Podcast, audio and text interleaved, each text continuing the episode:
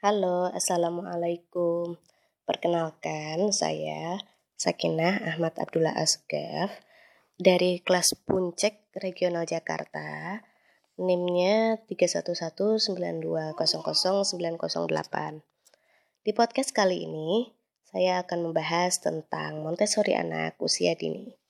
Pertama kali mempunyai anak, kisaran 10 tahun yang lalu, saya belum mengenal apa itu Montessori dan metode-metode lainnya mengenai pendidikan anak.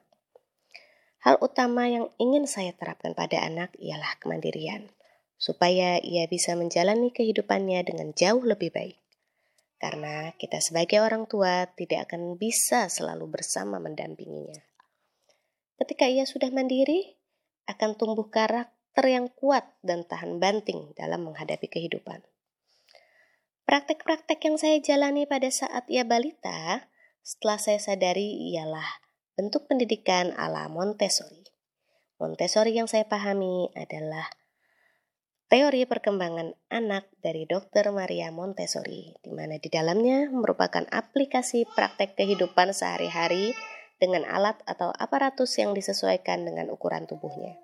Selain itu, anak merupakan bagai spons yang menyerap semua hal yang dia amati di lingkungannya.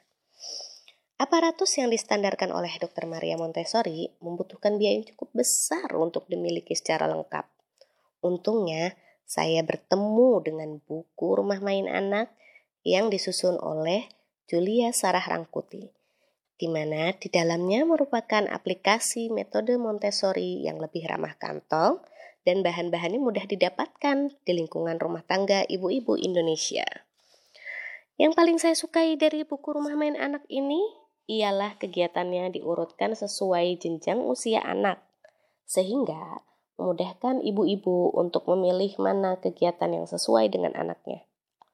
Untuk buku Rumah Main Anak Jilid 1, itu kegiatan untuk usia anak 0 sampai 3 tahun.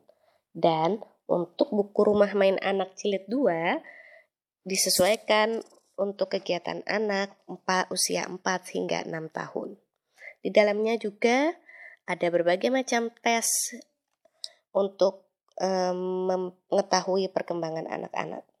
Buku ini merupakan panduan praktis untuk ibu-ibu zaman now yang ingin menerapkan Montessori anak usia dini di rumah masing-masing. Baiklah, semoga berkenan dengan podcast kali ini. Saya Sakinah undur diri. Sampai jumpa. Assalamualaikum warahmatullahi wabarakatuh.